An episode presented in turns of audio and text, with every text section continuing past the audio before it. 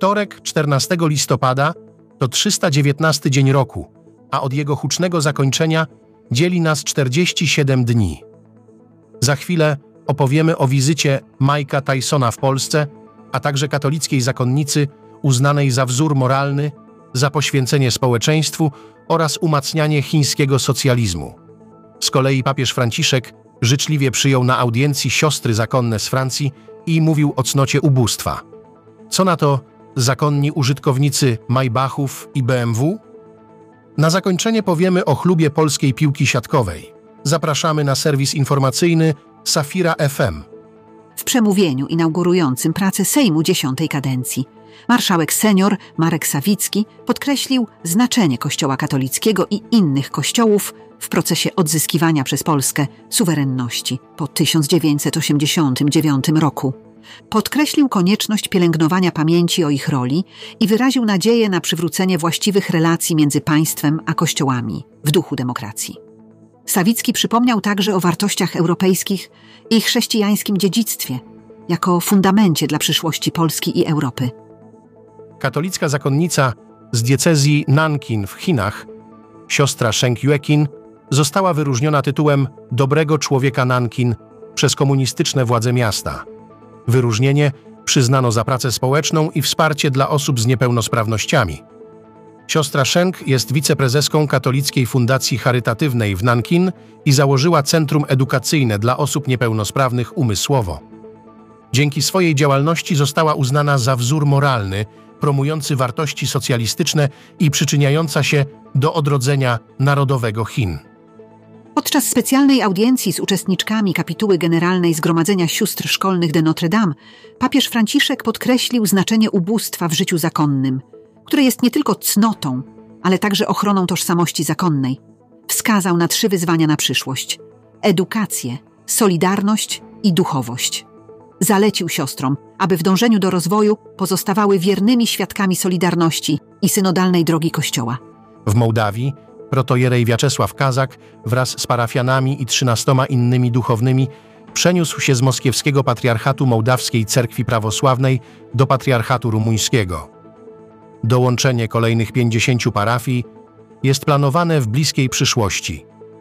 Proces ten zyskał na tempie po wybuchu wojny w Ukrainie i pojawieniu się chęci powrotu Mołdawian pod jurysdykcję rumuńską. Metropolia Besarabii zachęca duchownych pragnących opuścić jurysdykcję rosyjską do dołączenia, obiecując życzliwą wspólnotę i spokój ducha rumuńskiego. Karuna i Agape w dialogu na rzecz uzdrowienia zranionej ludzkości i ziemi to temat międzyreligijnego spotkania w Bangkoku, które rozpoczęło się wczoraj i potrwa do 16 listopada. W spotkaniu wezmą udział przedstawiciele buddyzmu i chrześcijaństwa z różnych krajów Azji oraz przedstawiciele lokalnych władz. Wydarzenie rozpoczęła ceremonia sadzenia drzew. Wspólnota Steze organizuje 46. Europejskie Spotkanie Młodych w Lublanie. Wydarzenie planowane jest od 28 grudnia do 1 stycznia. Oprócz uczestników oczekuje się na kilkuset wolontariuszy. Spotkanie jest skierowane do osób w wieku od 18 do 35 lat. Informacje i zapisy są dostępne na stronie internetowej Teze.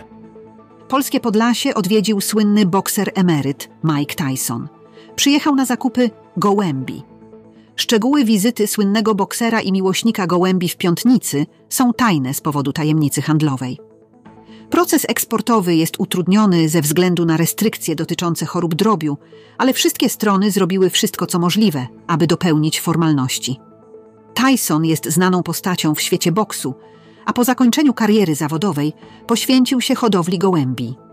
Łukasz Kaczmarek został uznany za najlepszego siatkarza świata w 2023 roku według rankingu portalu Volleybox.net. Po kontuzji Bartosza Kurka Kaczmarek okazał się kluczowym zawodnikiem polskiej reprezentacji, zdobywając 785 punktów w rankingu.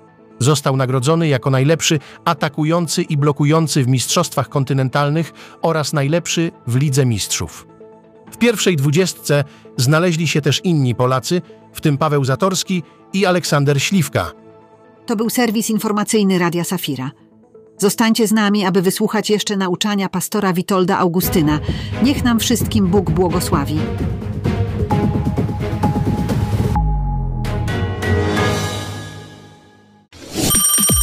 Czas na dobre wiadomości, czas na najlepszą muzykę, czas na Radio Safira.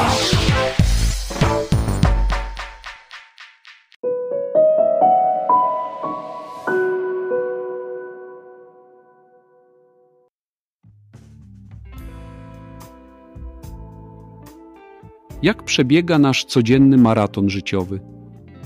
Kiedy spoglądam na zegarek, to zdaję sobie sprawę, że my współcześni traktujemy czas jak hamburger albo hot dog, czyli szybko, smacznie i niezdrowo. My, ludzie XXI wieku, mamy tą skłonność napełniania naszych kalendarzy do granic każdej linijki. Niektórzy z nas mogą czuć się jak klauni w cyrkowym samochodzie, który pęka w szwach, ale zawsze znajdzie się w nim miejsce jeszcze dla jednego przebierańca.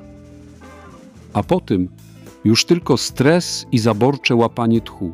Czy Kościół oczekuje od nas za dużo, czy może my oczekujemy od siebie zbyt mało? To prawda.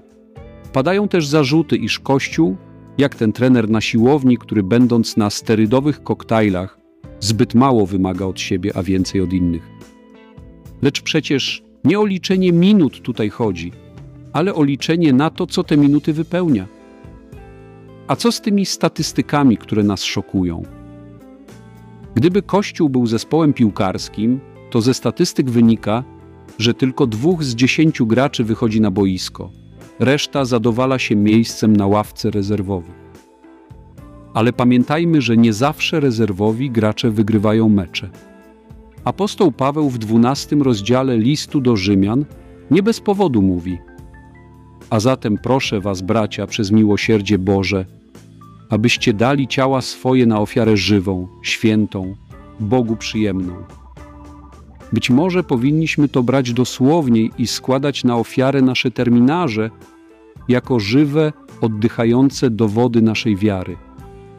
Zatem, jak mówił Paweł w piątym rozdziale listu do Efezjan, baczcie więc pilnie, jak postępujecie, nie jako niemądrzy, ale jako mądrzy.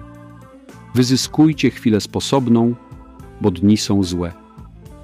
Być może pora na to, aby wyrzucić stary kalendarz i zacząć od nowa, z Bożymi priorytetami na pierwszym miejscu. Bo pamiętajcie, czas to nie tylko pieniądz, czas to budowanie pozycji do naszej wieczności. Niech nasze działania będą jak dobrze doprawiony przepis na życie, z dużą szczyptą miłości, garścią ofiarnej służby i odrobiną zdrowego rozsądku. Nie dodawajmy do tego za dużo soli w postaci naszych własnych, zawsze niedoścignionych pragnień. Pamiętajmy, że zarządzanie czasem dla Boga to nie bieganie do kościoła w niedzielę, ale także świadome poświęcanie czasu na pracę, służbę, miłość bliźniego i dla rodziny. To nie jest kwestia, czy znajdziemy czas, ale czy zechcemy go dobrze spożytkować. Bo na koniec, kiedy staniesz przed Bogiem, czy chcesz mieć na sumieniu tylko odhaczone pozycje w kalendarzu, czy spełnione serce? Czasami wydaje się, że zarządzanie naszym czasem jest jak próba upchnięcia wieloryba w akwarium. Ambitne, ale niewykonalne. Zastanówmy się więc, jak spędzamy nasze dni, aby nie okazało się, że zamiast budować wieczność, po prostu przepuszczamy czas przez palce, jak suchy piasek na plaży.